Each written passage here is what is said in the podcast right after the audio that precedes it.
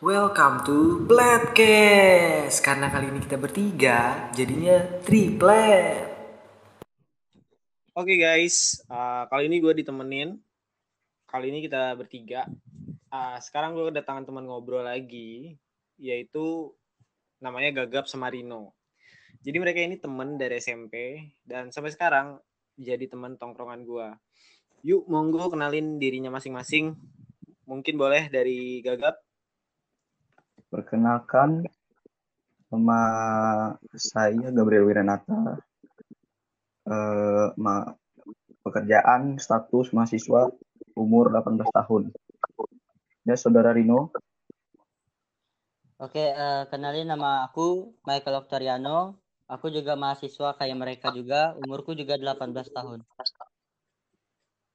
Ya, perkenalan yang sangat formal sekali ya mungkin boleh kalau mau di spill nama IG-nya bebas siapa aja boleh aku duluan ya berarti oke okay. monggo monggo oke okay, kalau Instagram aku uh, Michael Octaviano 48 kalau gak apa nih kalau aku uh, skip skip Oke, okay. udah skip. Yang penasaran cari tahu sendiri.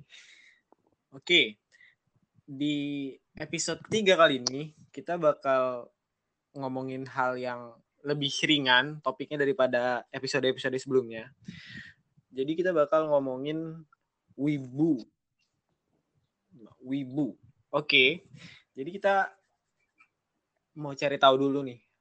Kalau menurut lu Gap, wibu itu apa sih? Hmm. Wibu. Kalau dari artinya definisinya wibu tuh kan uh, dari bahasa Inggris tuh uh, weabu yang artinya menyebut orang yang terobsesi terhadap suatu budaya yang secara berlebihan. Secara spesifiknya tuh kan lebih sering dipakai itu buat anime dan komik Jepang bla bla bla. Nah, sebenarnya wibu tuh nggak cuma Jepang ke K-pop juga bisa sebenarnya ya seperti itulah hmm.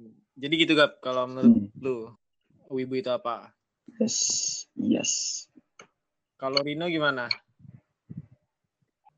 ya kalau aku sih uh, kalau wibu itu taunya secara dasarnya kayak uh, kalau aku baca ya itu kayak perilaku seseorang yang itu bukan perilaku uh, bukan asli perilakunya dia. Dia itu kayak meniru orang lain seperti itu. Tapi secara berlebihan seperti yang kayak kata si Gagap bilang.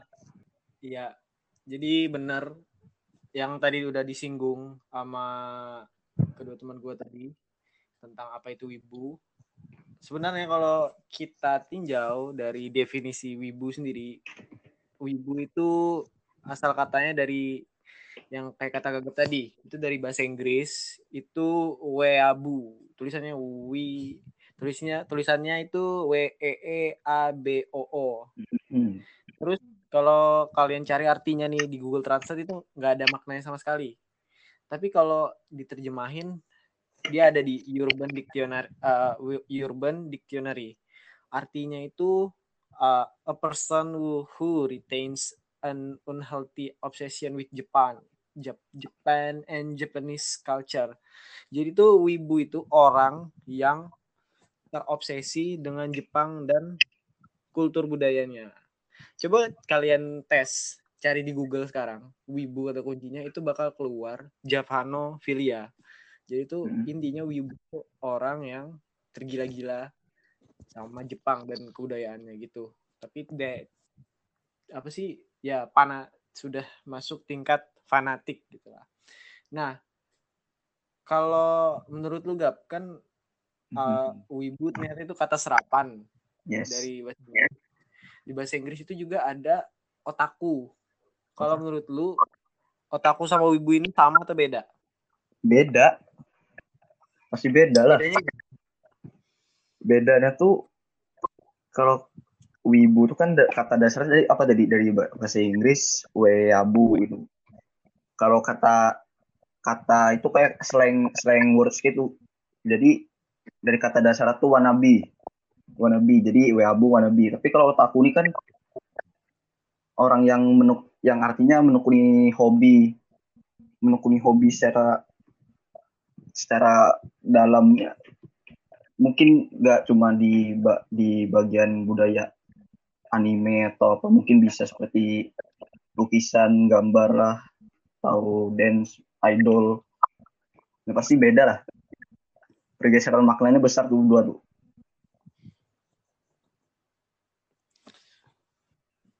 Eh, terus kalau menurut Rino, kenapa nih Rin? Ya, Biasanya kalau kalau wibu itu pasti identik dengan bau bawang.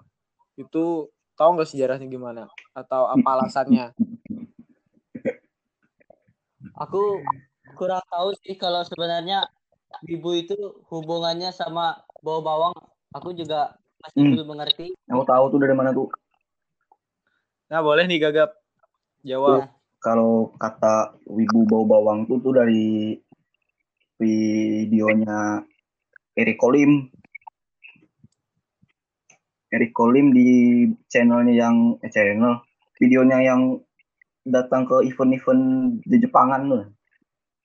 Terus teriak bau bawang bau bawang apa ya? Eric, Col- Eric Kolim biasa seperti apa kan? Kalau nggak salah dari Eric Kolim. Jadi, Oh, jadi- setelah eh, jadi setelah Kolim itu kayak mendarah daging gitu lah, Gap? Yes. Oh. Kata wibu bau Berarti- dari situ. Berarti kayak tercetus secara random dari Eric Olim gitu. Mm-mm. Out- ah, tiba-tiba langsung melekat. Oh iya. Jadi paham paham paham. Jadi itu udah dijawab sama Gagap tadi itu ternyata memang kata slang yang diciptakan secara ya spontan, kata random tapi udah melekat dengan seorang wibu. Kita udah tahu nih apa itu wibu sama tadi ada istilah yang hampir-hampir mirip otaku. Nah, orang yang orang yang wibu itu yang gimana? Boleh sih eh, boleh sih dijelasin Rin. Gimana Rin?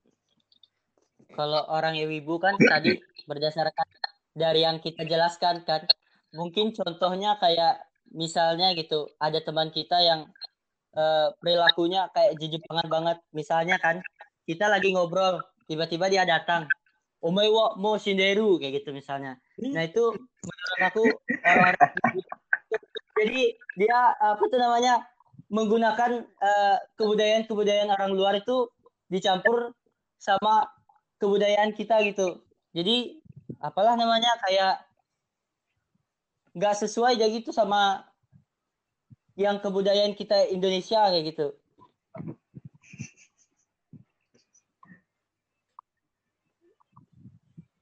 Terus Rin, Udah itu aja, Bang. berarti kesimpulannya kayak eh, Ya dia, dia tuh kayak berlebihan gitu. Eh apalah menyukai sesuatu tuh kayak berlebihan gitu nah dan itu dibawa ke kehidupan nyata seperti itu. jadi bisa disimpulkan orang yang wibu itu mulai mengalami itu bias ya. Dia tidak bisa bedain mana dunia nyata sama dunia itunya. Dunia jalannya itu. Ya, dunia halunya mungkin ya. Mahalu. dari nah ini dari yang dijelasin Rino tadi menarik karena kalau di Google ada juga penjelasannya kalau wibu itu adalah orang yang nggak tinggal di Jepang bukan orang Jepang Hmm. tapi sangat di Jepangan sekali jadi dia itu nggak tinggal di Jepang bukan orang Jepang tapi dia itu sok-sokan jadi orang Jepang ya contohnya tadi sudah dibilang Rino tadi dia mencampur adukan itu sok-sok bahasa Jepang mungkin Gagap mau nambahin nih wibu itu apa aja eh, ciri-cirinya Wibu, ciri-cirinya, ciri-ciri wibu apa ya? Apa ya? Ya sama kayak Rino. Dari gaya ngomongnya sampai ke bawah di real life. Terus ya biasa tuh eh, ava- avatar game atau avatar buat akun-akun sosial medianya bisa foto-fotonya anime-anime gak, jel- gak jelas lah. ya gitulah biasa kelakuannya ya bisa diterima lah orang kayak gitu Nah, ah, jadi ah, makna dari kata wibu ini sendiri ya seperti yang kita udah obrolin tadi bahwa mereka itu em, sangat fanatik sekali dengan apa yang disebut dengan Jepang dan kultur budayanya.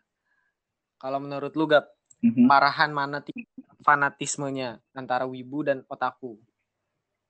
wibu sama otaku parahan mana lah parahan yang mana kalau wibu Atau mereka sejati? Sebenarnya kayaknya parah wibu. Parah wibu. Soalnya wibu tuh sudah kayak bu- budaya negara lain lengket di kepribadian seseorang. Udah kayak jadi proses apa tuh namanya yang di sosiologi ada namanya proses proses imitasi. Jadi prosesnya tuh kayak orang mengikuti sesuatu entah itu dari gaya berbicara gaya rambut eh, baju make up dan lain-lainnya ya kayak gitu kayaknya parah wibu Hmm, berarti bisa ditinjau juga ya dari sudut pandang apa tadi? Sosiologi. yes Jadi dia menyerupai yang dia idolakan gitu. iya Eh, secara singkatnya proses imitasi namanya proses imitasi. Nah, sebuah knowledge baru nih dari Gagap. Terus kalau menurut Lurin, kenapa sih orang bisa menjadi wibu? mungkin Hmm. eh kenapa orang bisa jadi wibu karena kalau kita lihat di Jepang sendiri itu kayak animasi-animasinya itu kayak menarik perhatian kita gitu loh. Contoh ya kayak aku aku juga salah satu orang yang suka anime dari temanku juga gitu. Yang awalnya cuma ditawarin satu anime gitu kan, tiba-tiba tertarik, akhirnya nonton yang lain gitu. Nah, akhirnya itu kadang-kadang jadi kebawa pas kita eh, lagi sama teman-teman kita di dunia nyata kayak gitu. Mungkin itu sih salah satu pemicu atau terjadinya orang tuh bisa jadi wibu kayak gitu. Kalau menurut lu nih Gap, atau mungkin nambahin pendapatnya Rino, apa aja eh, alasan yang mendasari orang bisa jadi dikatakan wibu? alasan.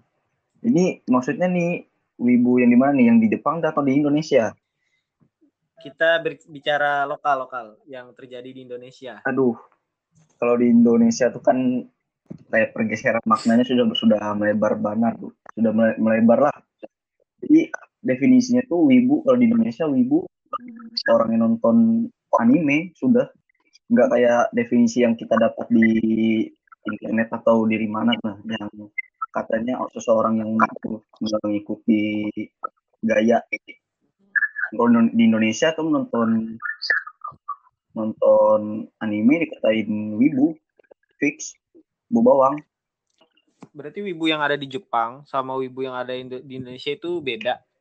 Karena pergeseran makna tadi Gap. sebenarnya kalau gimana maksudku kayak sudah jadi sudah jadi apa kayak udah mudah dicap jadi kalau nonton anime jadi nonton anime auto wibu sebenarnya enggak anjir Karena wibu itu lebih dari itu kan, fanatik Yes. gitu anggapan. Aha. Oh, berarti kalau secara lokal udah buyar makna aslinya ya, udah, Sudah. geser. bergeser geser geser makna sudah Nah, ini ter- terkait juga nih, padahal eh, habis ini gue mau nanya tentang proses menjadi wibu. Ranahnya lokal sih, tapi karena udah dijelasin gagap tadi, proses jadi wibu itu kalau di Indonesia nonton anime ya auto jadi wibu karena pergeseran makna. Jadi itu beda jauh. bergeser makna memang parah emang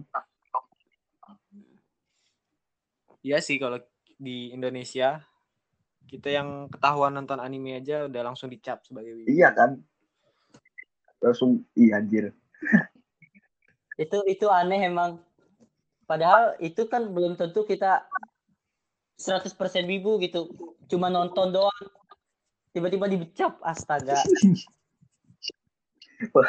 pembelaan seorang wibu tapi sudah kayak gitu ya kayak ya gimana lagi sudah kayak di masyarakat Ya nih, jadi ada tambahan. Jadi kalau mau baca artikelnya di internet itu ada tulisannya dari Mas M Farid Hermawan. Baru aja turun Januari kemarin. Naik maksudnya, naik Januari kemarin.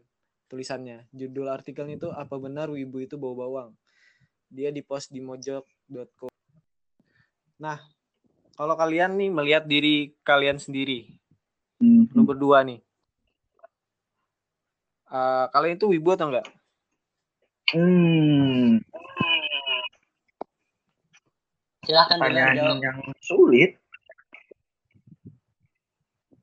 sebagai seseorang yang sudah menonton dari SD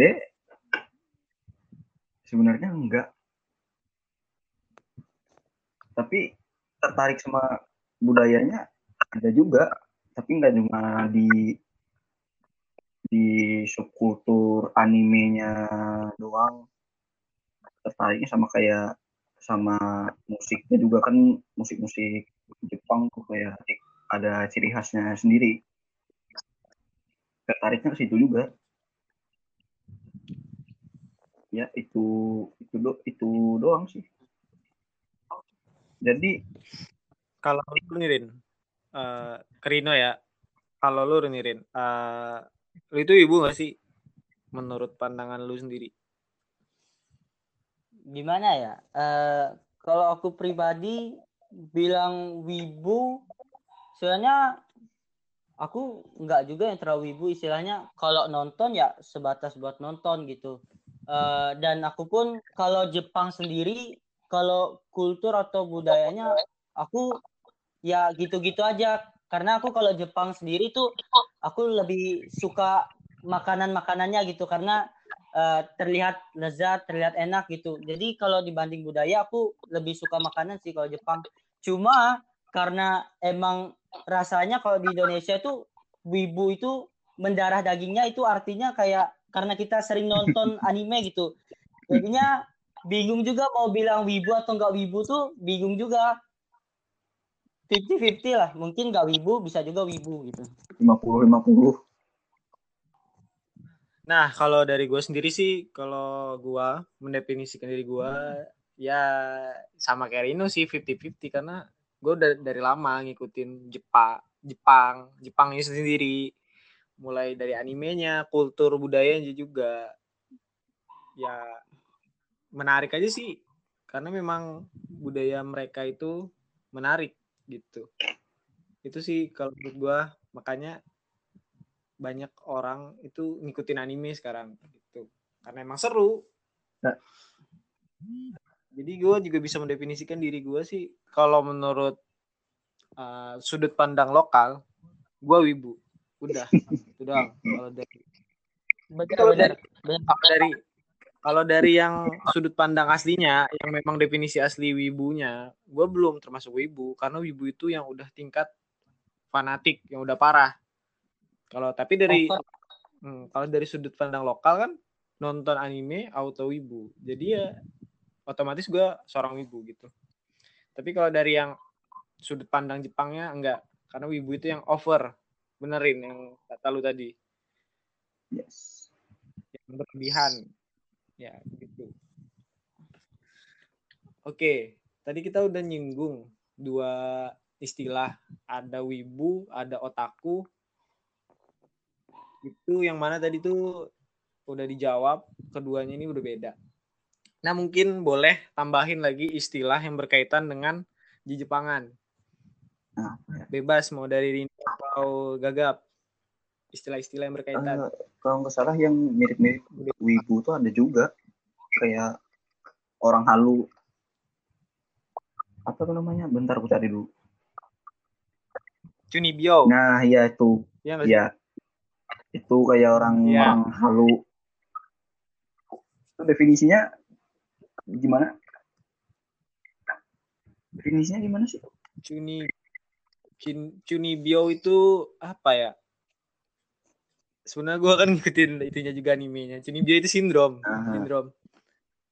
yang tadi itu yang udah kita singgung. Dia nggak bisa bedain real life sama anime live-nya.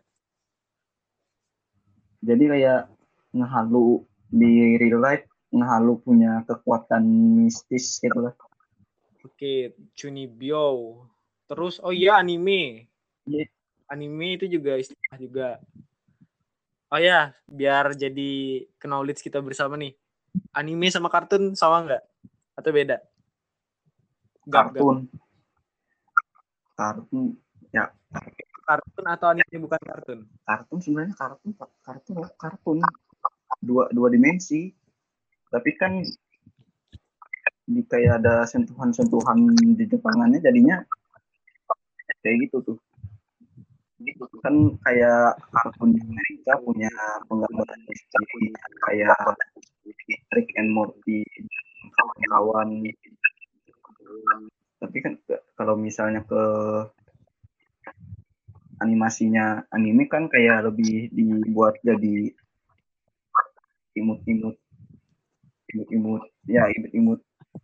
Gitulah. Nah, terus istilah apa lagi ya? Hikikomori, tahu nggak? Eh, pernah dengar Enggak, sama sekali belum. Nah, hikikomori itu jadi orang yang mengurung diri di kamar, antisosial, Oh. hampir, hampir mirip. oh ya ya ya Dia jadi di kamar.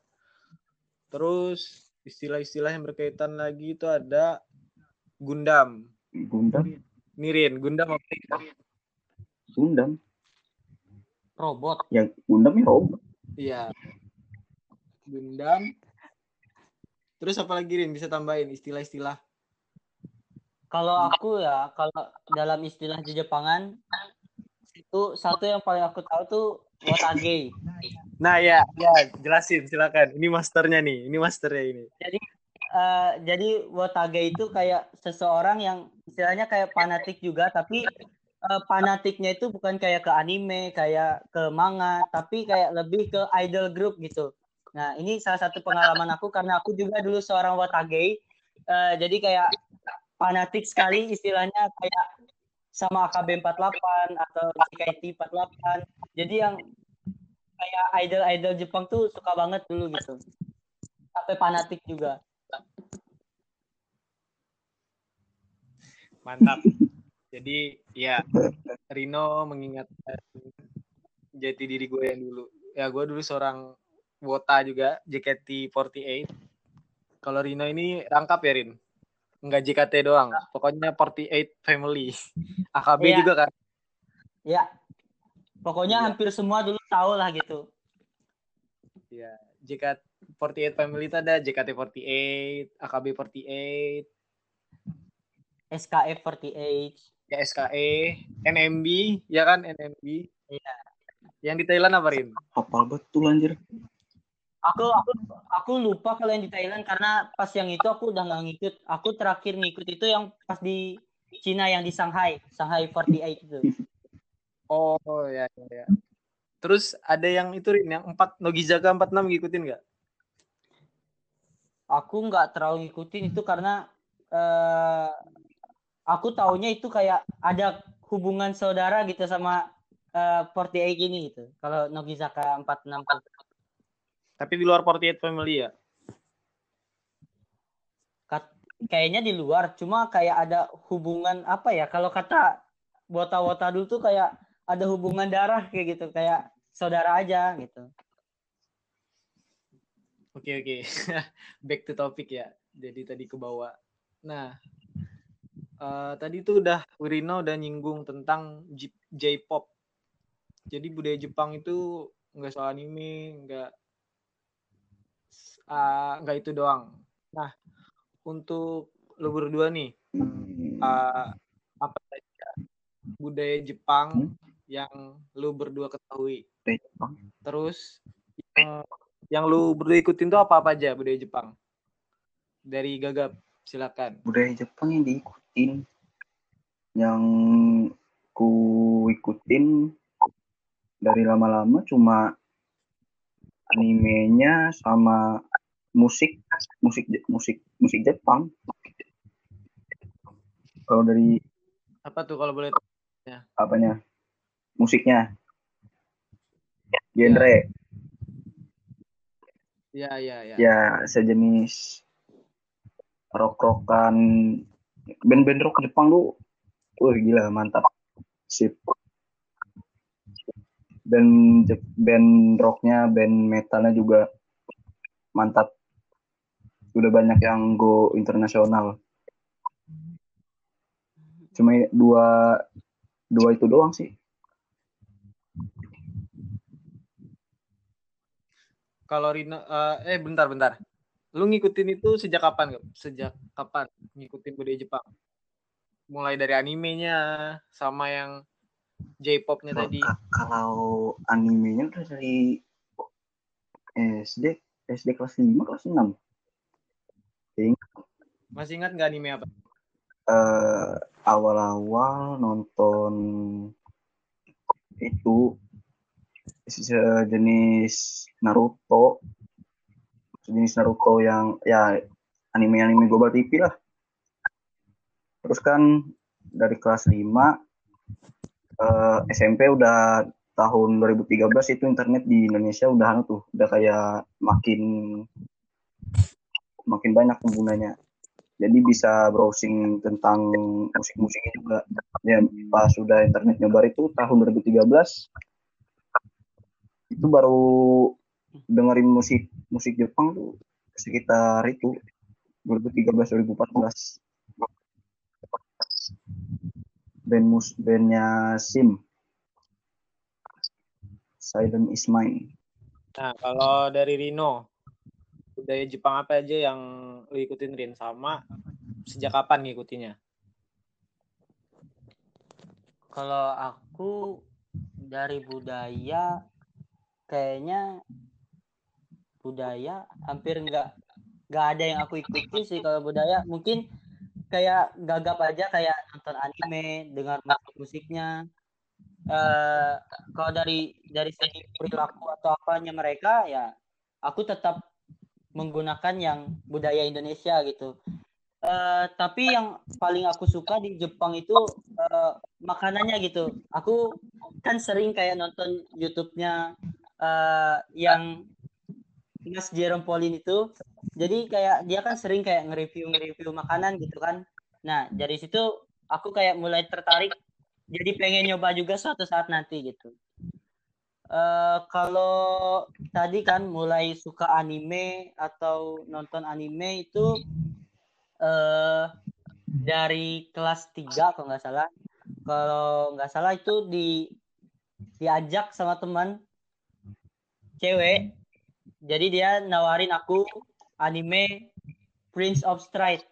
Nah, itu anime eh, sport.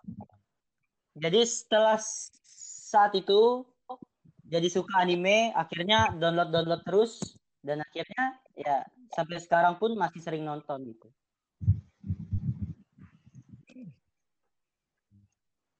Jadi tadi itu itu anime pertama lu Rin. Kalau di luar dari yang kita nonton di Global TV ya itu adalah anime pertama yang aku tonton. Mantap. Nah, kalau dari gue sendiri sih, kalau Jepang itu gue ngikutin J-popnya ngikutin. Uh, Belantika musiknya Jepang ngikutin. Terus animenya ngikutin. Terus ya kayak kebudayaannya sih ya tipis-tipis aja.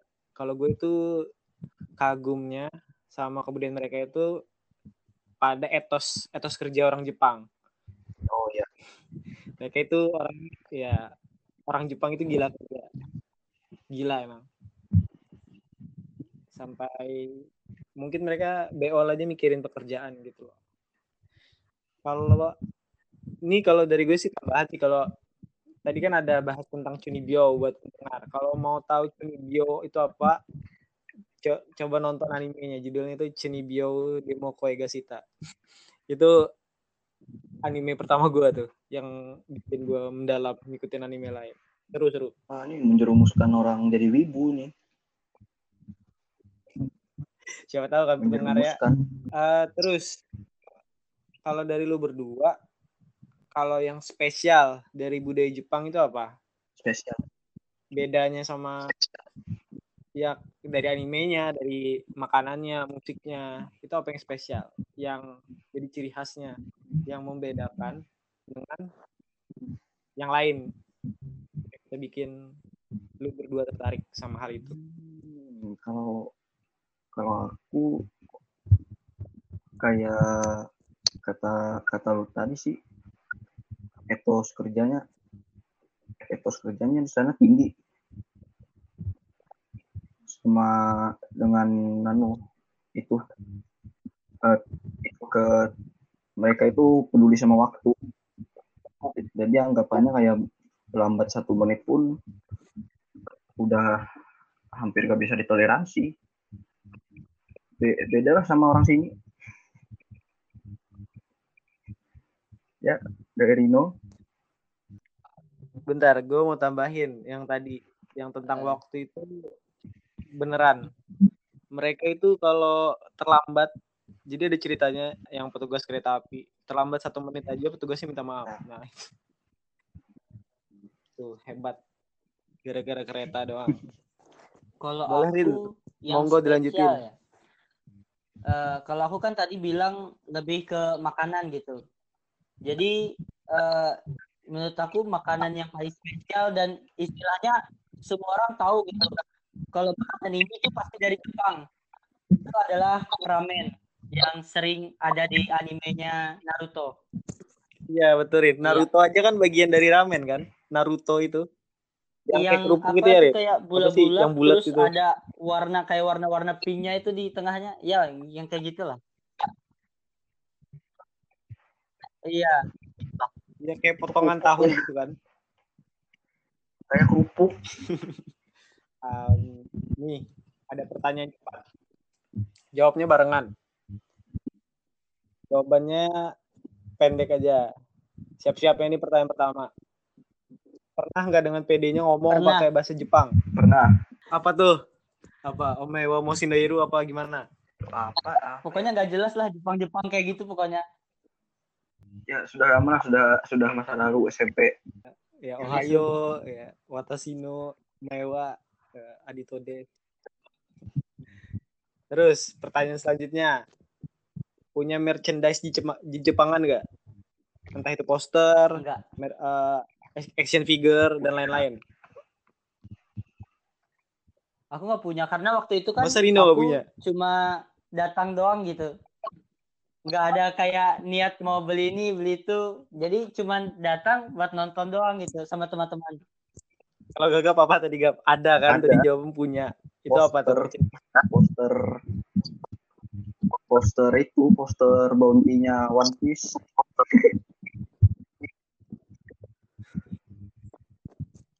Anjay. Oplopers. itu kan bagus tuh kayak daftar orang hilang Jawabnya barengan nggak? Baca mang baca manga aturannya dari kiri ke kanan atau kanan ke kiri kanan ke kiri karena emang eh, Kenapa? budaya di sana tuh kanannya ke kanan kiri gitu. Kalau baca komik. Terus bacaannya itu yang benar manga atau mangga. manga. Aku nggak tahu. Kalau kalau seingatku manga bang. Punya waifu enggak nggak? enggak nggak. Nggak punya. Enggak nggak ada sih. Hmm, kalau waifu nggak ada. Cuma cuma apa namanya ngoleksi aja kayak itu. Gitu kalau yang kayak cewek-ceweknya cantik imut ya aku save, save aja biasanya di HP nggak ada kayak aturan waifu apa gitu pokoknya yang cantik lah gitu. Mantap. Ini kayaknya pertanyaan ini pertanyaannya ini malah menjerumusnya ke gue semua. Gue punya loh. kasih tahu Gue malah punya. kasih tahu kasih tahu parah. Mantan mantan mantan apa mantan sih mantan waifu. Ya Hatsune Miku tadi. Narasumbernya. Kebalik iya malah yang yang punya podcast yang seorang wibu ya. Kalau waifu nggak punya nih punya nggak karakter yang disuka? Entah itu cowok atau cewek karakter di, di anime dan manga. Dari apalah.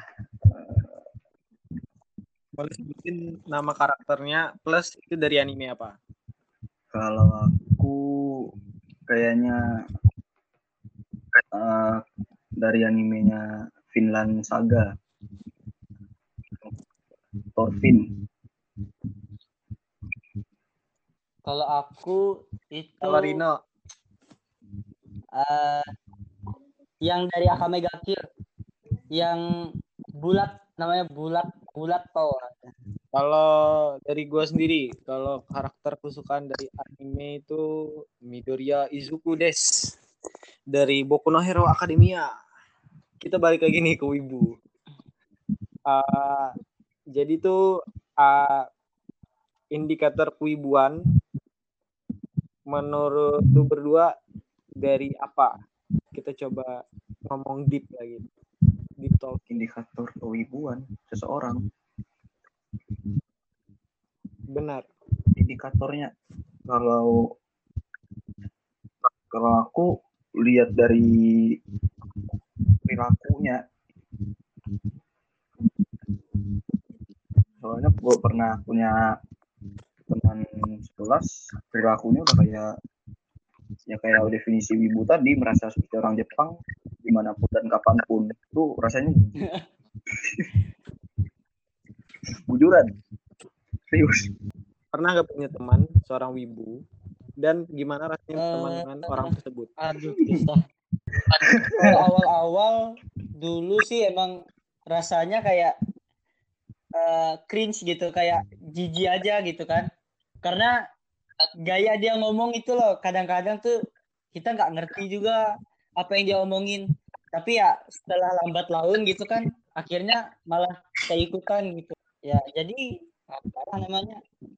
Ya kalau sekarang sih it's okay aja lah gitu. Karena udah terbiasa. Itu sampai sekarang, Maksudnya sampai sekarang. Orangnya? Eh iya sampai sekarang. Makin parah atau mulai eh tobat. dibilang makin tobat enggak juga makin jadi enggak juga. Jadi ini sekaligus pertanyaan penutup ya. Boleh kalian kalian jelasin eh, statement penutup dari kalian masing-masing. Eh, jadi boleh jelasin nggak kekeliruan selama ini dari orang pada umumnya tentang stereotip ibu. Jadi jelasin tentang stereotip ibu yang ada di mata orang-orang. Terus eh, jelasin salah nggak menjadi seorang wibu? Bebas mungkin dari gagap dulu deh. sebenarnya nggak nggak salah nggak salah tapi gimana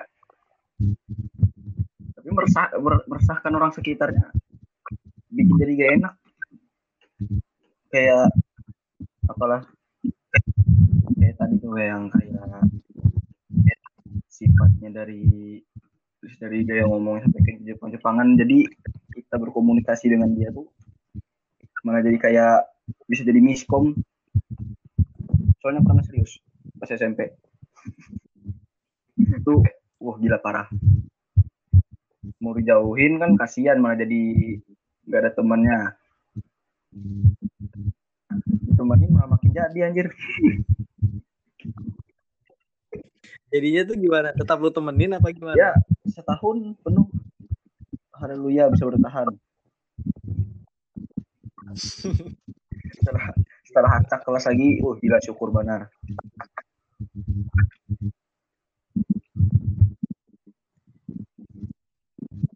Kalau tentang kekeliruan, Gap, kekeliruan yang dipandang orang sehingga jadi stereotip dari wibu itu sendiri apa aja? Menurut yang tadi kita sebut eh, nonton anime atau wibu sebenarnya nggak itu doang sih. Kayak dengar dengar musik-musiknya Jepang kan ada bahasa Jepang tuh. Itu kayaknya otomatis cap wibu sama dari game juga. Kan sekarang game Jepang kan banyak kayak eh, GBF Ark, eh, Art Knight atau apa eh, Honkai Impact. Kan itu kan gamenya berbau berbau di Jepang Jepangan. Kayaknya kalau main game itu di depan umum dicap otomatis di Oke, itu tadi jawaban dari Gagap. Sekarang Rino. Kalau itu gimana Rin? Menjadi Eh, seorang wibu itu salah gak kalau kita tinjau ya dari pengertiannya yang benar-benar Jepangnya mungkin kalau menurut aku salah sih karena sesuatu yang berlebihan tuh juga nggak baik gitu kan tapi kalau kita lihat di Indonesia sendiri sih kalau yang istilahnya sampai over-over kayak gitu ya masih eh, minim atau istilahnya masih sedikit lah yang kayak gitu jadi kalau ngelihat eh, wibu-wibu dalam Indonesianya ya masih wajar-wajar aja sih.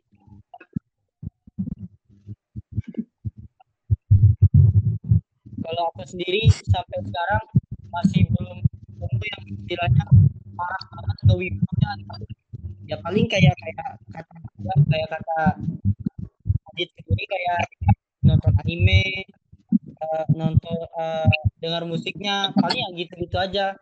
Atau dalam real life dia ngomong yang di Jepangan. Nggak ada sih yang sampai parah. Masih belum nemu sampai saat ini. Oke, eh, setelah mendengar jawaban dari kedua teman gue ini, baik dari Gagap atau Rino, itu jadi bisa jadi tarik kesimpulannya bahwa kalau menurut mereka, eh, wibu itu adalah seorang yang berlebihan banyak kepada Jepang dan budayanya atau sudah dalam tingkatan fanatik. Nah, kalau dari menurut, menurut gue sendiri sih menjadi seorang wibu itu salah apa enggaknya enggak sih. Salahnya itu di tingkat fanatismenya. Betul kata Rino tadi apa pun yang berlebihan itu kan nggak baik. Jadi itu itu salahnya terletak di situ tadi. Sama yang kayak kata gagap tadi kalau sudah sampai mengganggu sekitar itu salah. Ah, sampai berarti mengganggu. Tapi kalau menjadi seorang wibu nggak bersalah sih. Ah, hak dia mau menyukai itu menyukai budaya Jepang dan uh, sejenisnya menyukai budaya Jepang dan dengan segala kebagusannya gitu. Kalau menurut gue sih it's fine. Selama tidak mengganggu orang-orang di kehidupannya atau di sekitarnya. Gue tadi mau garis bawahi juga mengenai pernyataan gue tadi tobat maksudnya bukan maksudnya uh, wibu itu perbuatan yang salah atau ilegal atau dosa ya enggak enggak sama sekali. Maksudnya gue tegasin lagi berlebihan itu tidak pernah baik. Yang baik itu adalah yang pas pada akarnya Gitu. terus kalau yang stereotip pada adalah wibu itu seorang yang uh, caper terus kuper gitu tapi cari perhatian kurang pergaulan sebenarnya enggak itu salah sih. Karena banyak juga wibu yang berprestasi. Contohnya adalah teman gue pas SMP ada. Kalau kayak Katarina tadi pernah berarti nemuin yang parah banget? Kalau gue pernah sih. Di media sosial. Udah lah nggak usah diomongin di sini. Pokoknya ya kalau parah menurut standar gue sih sampai berlebihan banget gitu porsinya kalau menurut gue itu sih. Jadi it's fine if you are wibu but uh, jangan berlebihan. Gitulah fine jangan berkecil hati karena saya juga sangat wibu teman-teman. Gitu. Oke. Terima kasih untuk obrolannya kali ini untuk Gagap dan Rino. Ya. Arigato gozaimasu Terima kasih.